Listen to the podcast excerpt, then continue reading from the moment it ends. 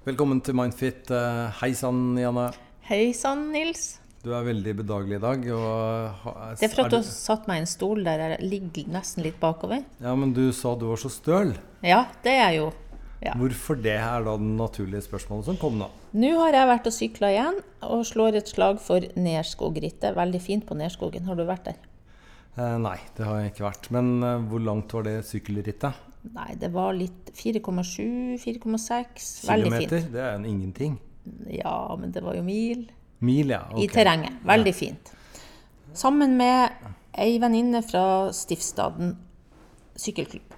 Men, eh, men, men, men. Hvilken plassering fikk du? Du vet at i min klasse, vi som er voksen, der er det ikke så mange som stiller opp, så det er egentlig alltid pallplass. Ja, eller det, det er ikke Det er liksom det er som barna, liksom. Der eh, alle skal med, og ingen, alle får premie. Alle får premie, det er sant. Jeg er nok ikke i toppsjiktet. Vi snakker ikke eliteutøver her. Nei. Eh, nå har vi altså funnet oss et nytt sted å, å ta på. Og det ene mikrofonen driver og detter ned. Ja, det Så gjør nå den. tar vi bare og setter den litt mer fast. Sånn. Ja. Nå er vi inne på der vi pleier egentlig å jobbe på dette reklamebyrået som jeg jobber, i Bennett. Men nå er det jo ingen her, for det er søndag. Og dette er program nummer 50. Og det er fantastisk. Det er ganske mange program, det. Ja, og jaggu så er det ikke lenge før vi får 100 000 lyttere heller. Nei. Jeg tror vi var på 86 000 nå, og det er helt utrolig. Og grunnen til det eh, tror vi har jo første rekke at det er folk som tør å sende inn eh, spørsmål. Ja. Ordentlige spørsmål om ting som eh, opptar dem. Og forhåpentligvis at vi klarer å, svare med respekt, hvor du er fagpersonen og jeg er lekemannen. ja. Og, det, og det så vi jo når vi hadde sånn livepodkast sist, at folk turte jo å stille spørsmål i salen òg. Det satte vi veldig pris på. Ja, og det live-greiene var kjempemorsomt, så det har vi lyst til å gjøre igjen. Det har vi absolutt. Da har vi to spørsmål som vanlig, og um, vi begynner uh, med en 16 år gammel jente. Jeg leser Hei, jeg er en 16 år gammel jente som sliter. Jeg føler meg ikke bra nok og føler ikke at jeg mestrer ting. Har lite håp for fremtiden. Jeg gruer meg veldig til videregående, mest eh, til å treffe nye folk. Jeg er ikke flink i sosiale sammenhenger og synes spesielt det er flaut å ha øyekontakt med andre. Gruer meg veldig til å ha gym og også matte. Jeg har blitt mobbet av to andre elever fra 9. til slutten av 10., men saken er heldigvis ferdig nå. Selv om de lar meg være i fred, så føler jeg meg veldig ille med meg selv, og jeg kjenner at jeg ikke har så lyst til å være her lenger. Trives ikke helt på skolen, selv om jeg har gode venner i friminuttene. Vil ikke at mamma og pappa sitt liv skal bli ødelagt hvis jeg gjør noe drastisk, og jeg har jo lyst til å få ting til og trives, men jeg er så flau over meg selv på en måte. Tenker at jeg ikke kommer til å klare meg og få et bra liv hvis jeg ikke engang klarer å snakke med de fremmede på ny skole. Hva skal jeg gjøre? Skjønner at dette blir langt, men jeg trenger svar. Kommer til å se på podkasten deres, altså. Ja. Det er jo flere ting her. Veldig, det er jo flere ting, men det første jeg har lyst til å si, eh, det er at jeg setter en forbindelse mellom det å ikke føle seg bra nok og eh, føle at en syns det er vanskelig å møte nye folk, med at en har blitt mobba. Da, for det er en sånn type sammenheng jeg ser ganske ofte. At selvfølgelig, hvis du blir mobba i en periode, så blir det med sosial kontakt en utfordring. Sånn at eh, jeg vil bare få normalisert det. For jeg, jeg syns veldig mange som har opplevd mobbing, er veldig streng med seg sjøl eh, etterpå. da, Og så er det akkurat som de glemmer litt at, at grunnen til at ting er ubehagelig, det handler jo om, om noe som har skjedd dem før. Eh, og at det er ikke så uvanlig at det som blir vanskelig, nesten Det ser jeg en del ganger òg. Det kan nesten gå over i sosial angst, ikke sant? Og det med blikkontakt syns jeg går igjen. Selvfølgelig, blikkontakt er vanskelig. Eh, og iboende kanskje en utrygghet som sitter litt i nervesystemet, da. Eh, jeg vil tenke at hvis vi tenker sånn løsninger for henne, da Først og fremst det jeg sier, at en må kanskje anerkjenne seg sjøl litt mer òg, da. For at det er no naturlige årsaker til at en har de her utfordringene. Og så la jeg merke til noe gledelig her òg, vet du, Nils. Vet du hva det var? Nei. Nei, at dette er jo eh, Er det ei jente? Ja. Ja. ja jeg, som holder ut. Som jeg tenker må gi seg litt honnør for det. Hun går jo tross alt på skole fremdeles. Og har gode venner som hun er sammen med i friminuttene. Sånn at noe må det jo være med hun som gjør at hun også eh, har det bra, eller at noen vil være sammen med henne. Det er liksom viktig at hun husker det. Men er det sånn altså, eh, Vi etablerer eh, tre ting her. Det ene er at hun ble mobbet fra 9. til 10. Hun har eh, ikke lyst til å gjøre noe drastisk, som hun sier. For hun tenker på mamma og pappa. Da lurer mm. jeg med en gang hva er dette drastiske? Det, mm. det ligger liksom litt og svever. Tenker hun på å skade seg selv eller sånne ting? Mm. Hun har venner nå, men hun skal altså da begynne på ny skole. Mm. Og Det betyr at det er veldig mange nye fremmede. Mm. Og da bare spør jeg Hvis du har blitt mobbet, sånn ordentlig mobbet, eh, og du ikke får bearbeidet det, Virker det slik at liksom, du får et sånn kastemerke føler du, eh, liksom, i panna som egentlig sier at du er ikke god nok, du er ikke bra nok, ja. du kommer til å bli mobba. De andre menneskene på nyskolen kommer til å se deg med en gang for det du er, og du ja. er ikke særlig mye verdt. Jeg tenker at det er ikke sikkert uh, at altså Mange som har blitt mobba, jeg tror ikke de alltid setter de her sammenhengene. da, sånn at det er ikke sikkert de tenker jeg kommer til å bli mobba. Men uh, de har blitt sånn at de syns det er utrygt med nye settinger. Uh, nye folk, og kanskje ikke de har egentlig verbalisert det så godt, men i underbevisstheten så ligger det jo en frykt for at det skal skje igjen, vil jeg tenke. Og så begynner de på et vis å klandre seg sjøl for det her òg. Hvorfor er jeg så dårlig med nye mennesker? Og, så det er akkurat som nesten de har kobla litt fra at, at det kanskje det ikke var sånn før. Så denne jenta må jo legge litt sånn merke til kanskje det har skjedd en endring med henne. Og da tenker jo jeg at det er noen hendelser her som har bidratt til det. Uh, og så uh, tenker jeg på det her, hva skal hun da gjøre når hun nå kommer en ny setting? For du er inne på noe når du sier det her med hva en tenker og sier til seg sjøl. Eh, og det en ofte ser når en blir utrygg i sosiale situasjoner, er at en blir veldig sånn redd for å dumme seg ut. Så en, en bruker mye fokus på, på, innover, egentlig, på å tenke på hvordan, hvordan oppfører jeg meg nå. Jeg ser sikkert latterlig ut, jeg er sikkert kjedelig å være sammen med. Det er mye sånn negative selvinstrukser som, som kjører og går i hodet ditt. Og, og litt sånn typisk òg for mange at de velger seg en del uh, trygghetsstrategier for å takle det her, da, for de vil jo ikke dumme seg ut. og de vil, vil altså For all del, liksom. De har, en, har ikke noe avslappa forhold til det i det hele tatt. sånn at de må for all del unngå å dumme seg ut. Og da blir det så viktig å oppføre seg på en mest mulig korrekt måte. Uh, men det kan også gjøre uh, nesten at det blir vanskelig å få kontakt med folk, fordi du Eh, du, du, må liksom Du kan ikke være helt deg sjøl, hvis du skjønner. Du må liksom passe på hele tida at, at, du er på en måte som gjør altså det, det, er ille å spise med andre, det er ille hvis du snubler. Alt, alt kan liksom bli tatt til inntekt for at du har dumma deg ut, hvis du skjønner. Sånn at det er vanskelig å slappe av. Eh, det er vanskelig å søke blikkontakt, og det, da er det òg vanskelig å se om noen faktisk er vennlig mot deg. Også den, de her trygge strategiene som liksom går ut på å ikke dumme seg ut og sånn, de kan nesten bli som en sånn hemsko da, mm. som ikke hjelper deg til slutt. da. Nå er jo dette anonymt, de som sender inn. Men hvis du hadde hatt en pasient som hadde sagt at, eh, at jeg føler eh, meg veldig ille med meg selv, og jeg kjenner at jeg har ikke så lyst til å være her lenger, men jeg vil ikke at mamma og pappa sitt liv skal bli ødelagt hvis jeg gjør noe drastisk. Mm. Altså, Hvordan hadde du tolka det? Jeg hadde nok helt klart eh, gjort sånn som så det. Altså, det er liksom viktig å tørre å spørre hva mener en med å gjøre noe drastisk. Eh, er det sånn at en tenker på at en ikke vil leve lenger? Jeg får litt sånn inntrykk av her at, at det også er en livskraft, da, uh, uten å tolke for mye. Vi vet jo ikke hele historien, men, men liksom, jeg må prøve å holde ut. Og det, det tenker jeg er viktig å få sagt, at, at dette kan jo bli bedre på sikt. Uh, og jeg tenker hvis du får de tankene om at jeg ikke vil uh, leve, da, så er det jo kjempeviktig egentlig at uh, mamma og pappa får vite det òg, At en har en kontakt med dem og får snakka med dem. Vi har jo hatt det som tema for ikke så lenge siden, da det var en annen tenåring som skrev inn til oss. Og der vi sa en del om det her med hvor viktig det var å ha noen som heier på seg, at du har noen som støtter deg, at du tør å snakke med folk om hvordan du har det. Mm. Og det vil jeg si til den jenta her at det er ganske mange som har blitt mobba, som sliter sånn som hun beskriver at hun sliter. Og at jeg tenker at det er kjempeviktig å ikke bli gående og bare tenke at det er noe feil med henne. Kanskje heller forstå det som at det har skjedd og ting som gjør at hun har blitt som hun har blitt. Og at jeg tror absolutt det går an å få hjelp med det og komme seg ut av det mønsteret. Hun kan bli bedre til å ta blikkontakt, hun kan bli tryggere med nye folk. Men det handler jo også om å få nye erfaringer med folk, at, at det blir trygt. At, at du merker at du, det skjer ikke det samme igjen. ikke sant?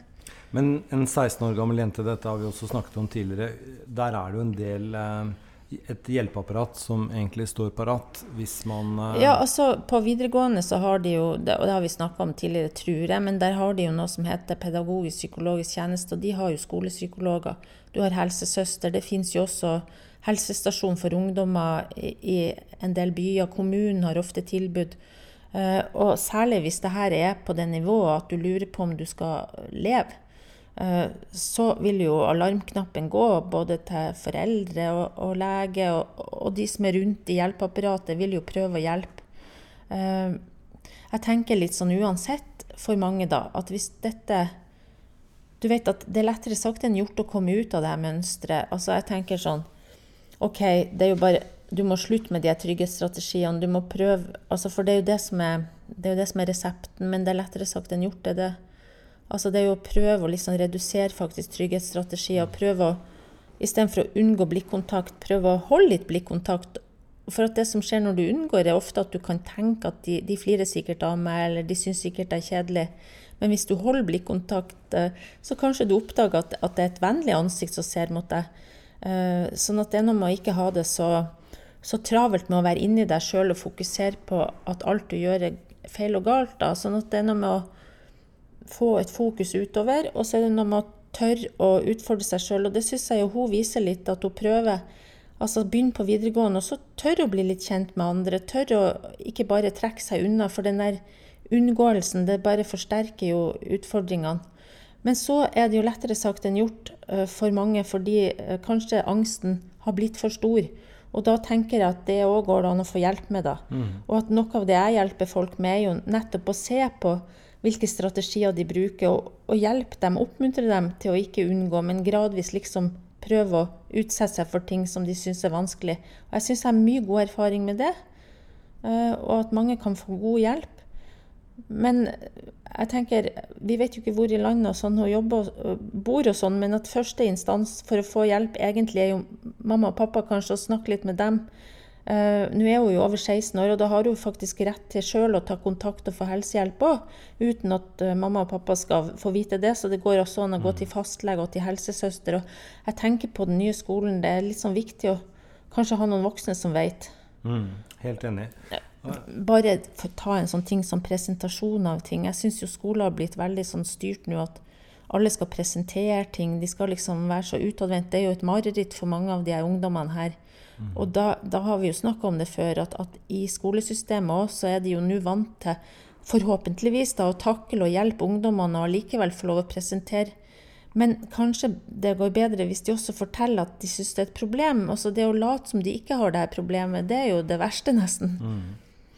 Men eh, bruk anledningen nå til at du skal begynne på ny skole, til å snakke med noen voksne. Det kan være mor og far ja. hvis eh, det går, men du er over 16.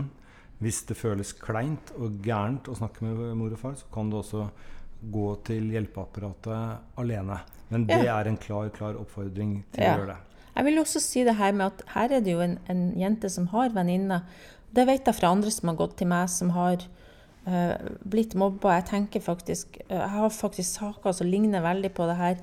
Altså, De har blitt mobba, uh, de, de, opplever litt at sosiale ting er vanskelig, og så har de venner. Og så tør de kanskje ikke si til de vennene at uh, de sliter med det her. Og så tenker jeg at det er også en sånn utfordring. Det kan være litt sånn det er mange ungdom som sliter, så det kan være en kan tenke litt på er det noen av de vennene jeg kunne betrodd meg litt til. Jeg vet ikke om hun har gjort det eller ikke, men jeg tenker at det er òg en veldig viktig støttespiller da. Mm. Uh, og at det går kanskje også an når du skal over i videregående. Altså Jeg håper jo for hennes del kanskje at hun kommer i klasse med noen hun kjenner òg. Hvis det er bare ukjente, så er det klart hakket mer utfordrende. Men, men jeg får en sånn følelse av at her har du ei jente som virkelig vet å holde litt ut. Og da vil jeg bare si til henne at, at det tror jeg er en veldig god egenskap. Og at jeg tror at uh, det i seg sjøl også kan være uh, noe som gjør at det blir bedre etter hvert. Angst er jo sånn at det er mest ubehagelig i forkant. Men at en kan veldig gruse til ting i forkant. Men når en står midt oppi det, kanskje det blir bedre enn en tror òg, da. Mm. Men jeg er enig med deg at jeg egentlig leser litt livskraft inni Ja, ja gjør du ikke det? Så, ja. vi, heier, vi, heier på, på henne. Ja. Det gjør vi. Um, vi tar et spørsmål til, men før det så skal vi bare hjelpe litt med denne mikken, stativet ditt, som detter litt ned. Det er bra at dette ikke var TV, for da kunne vi ikke vist deg. Fordi jeg, jeg, opplever, jeg opplever at jeg må liksom eh, bøye meg lenger og lenger ned. Men nå er det helt perfekt. Flott. Så da tar vi altså spørsmål uh, nummer to. Og hvis du lurer på om jeg skal klippe bort dette, så er også svaret nei. Mm. Det skal jeg ikke gjøre. Nei. Jeg har tidligere fått behandlet gamle og nyere traumer med EMDR, og med veldig god effekt. Nå har jeg fått kreft og lurer på om EMDR kan være nyttig også i den sammenhengen. Det er jo ofte traumatisk selv om prognosene er gode, og spesielt utredningsfasen er tøff når man får diagnosen. Og EMDR det har vi snakket om eh, mange ganger. Det har vi gjort, vet du. Men skal vi ta 30 sekunders uh, recapen for de som ikke har hørt det? Ja, altså det, det, Denne behandlinga som hun har fått, det er en type traumebehandling, ikke sant. Uh, og vi har snakka om det mange ganger før, men det handler jo om å få bort ubehaget i, i de hendelsene du har opplevd før ved hjelp av øyebevegelser, blant Uh, sånn det er noe med det her tosidige oppmerksomhetsfokuset som gjør at ubehaget slipper inn nåtid. Det er en form for forstyrrelse i de her øyebevegelsene. Og de har vist seg å gi god effekt mm. på type traumer. da. Men nå har altså denne, eh, denne personen hun har fått eh, EMDR-behandling før. Det har hjulpet henne veldig mye. Nå har hun fått en kreftdiagnose. Og så lurer hun på kan det hjelpe for det? Altså ikke for mm. kreften, vil jeg tro, men Nei, eh, nei absolutt ikke. Det, det, er veldig Men det som er poenget her, så det syns jeg er et viktig spørsmål, fordi Eh, akkurat når det gjelder eh, kreftpasienter, så er det jo utrolig mange som overlever. Det er jo egentlig gode prognoser for mange. Men eh, det vi snakker litt for lite om, det er jo sånne typer seinvirkninger etterpå. Og jeg har en god del erfaring med det her. Jeg har samarbeidet over lang tid med et rehabiliteringssenter på Røros som hjelper mange som har hatt kreft og vært i kreftbehandling. Og det jeg ser som går igjen, er jo sånn type f.eks veldig mange får sånn tilbakefallsfrykter. Mm. Sånn at eh, i tillegg til at de sliter, og det må jo sies at undersøkelser, kreft, altså undersøkelser har blitt gjort, og som Kreftforeningen uh, viser til, viser jo at hele 40% av de som har hatt unge kreftbrukere, rapporterer og at uh, altså bare 40 rapporterer å ha mottatt informasjon. Det betyr at det er 60% som ikke har fått noe informasjon om senvirkninger. Mm. Og i tillegg, altså alle har jo Alle, sier jeg meg, altså, men det vi har hørt om, er jo ofte fatigue, ikke sant? Eller uh, den type skader. Noen får jo veldig sånn nevrologisk, altså litt sånn skader i nervesystemet og sånn òg, stråling òg. Eh, så er det jo de psykiske skadene som jeg syns det blir snakka litt lite om. da. Så jeg har god erfaring med MDR-behandling, fordi både på den tilbakefallsfrykten da, eh, og også på noe av det som skjedde under behandlinga. For det som mange sier når de har vært i kreftbehandling, eh, det at der og da så var jo fokus litt annet, faktisk. Så det er først i etterkant kanskje at ubehaget kommer eh, med noe av det her. Så når de sier at de har tilbakefallsfrykt, så er, altså det, er jo, det de ofte sier til meg, at de ikke er redd for å dø, men de er redd for å bli syke igjen, for de orker ikke en ny runde. For det er så mye ubehag knytta til, mm. til, den type hjelp som de får. Ja. Men, men, da mener du altså at EMDR kan hjelpe for tilbakefallsfrykt? Eh, ja, fordi eh, da jobber vi ofte med eh, for du kan jobbe også med liksom det å se for seg um, altså Da jobber vi ofte med hendelser som har skjedd knytta til behandlinga. Altså øyeblikk der, der de var faktisk veldig redd, men, men, der de kanskje der og da ikke kjente så sterke reaksjoner på det. Men nå i ettertid, når de tenker på det, så kjenner de veldig ubehag. Uh, og så er det også smertene de har opplevd. da. Mm. At mange trenger hjelp til å bearbeide. Det er jo traumatisk og vondt òg. Uh, sånn at det er mye, mye det òg. Eh, og så uh, tenker jeg at det handler litt om fremtid òg, at vi kan jobbe litt med fremtid, faktisk. Det å liksom ta bort litt frykten for det som skal skje fremover. Og, da er ikke bare EMDR det jeg bruker, da. For jeg tenker en må også jobbe litt med hvordan legge bort tanker på framtid. Ikke, hele tida tenke på en hvis jeg blir syk igjen og sånn, for det, det, lammer jo folk veldig. Men vi må bare sortere litt, for at Ja. eh, når vi nå, nå spiller inn dette her, så, så var det jo en, en stor sak i VG i går Mm. som uh, handler om um, eller Jeg husker ikke om det var VG, men det handler om predikanter som tar eh, 14-15 kroner per minutt. Ja, det du må så sitte og vente gjerne i 15-20 minutter òg. Og så hevder de da at de kan helbrede kreft ved at du da betaler dyre tellerskritt til dem. Eh, og der kan det selvfølgelig være en placeboeffekt og alt det der, men det er jo ikke altså Man snakker jo ikke om at EM, nei, e, EMDR. EMDR kan eh, kurere. Det, her snakker vi om at det kan hjelpe til å leve med. Mm. Og ta bort noe av eh, den eventuelle frykten for fremtid. Mm. Ved på en måte å forstå det bedre gjennom denne behandlingen. da. Mm.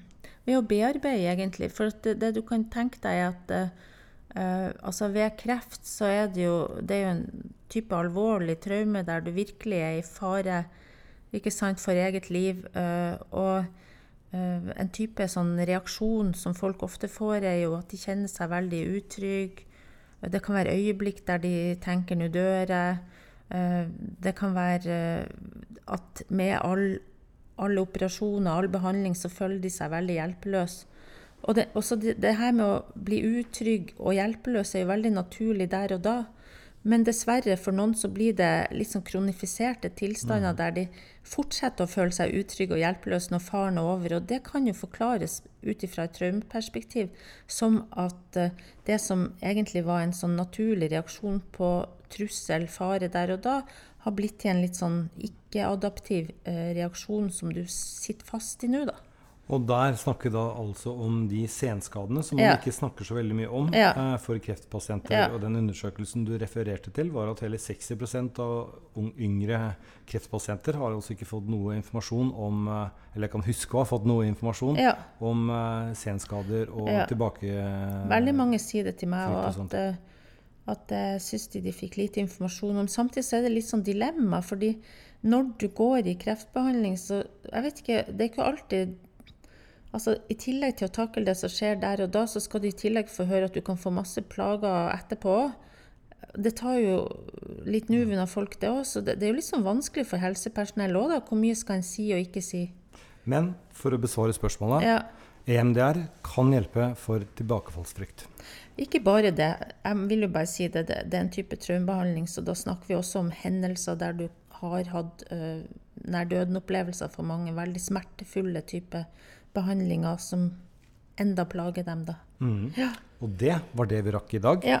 Eh, Neste program er altså nummer 51, og vi skal nå rekke en til før eh, Norge går i sommerstengt i juli. Det gjør vi, vet du. Så eh, vi høres da. Ha det bra. Ha det.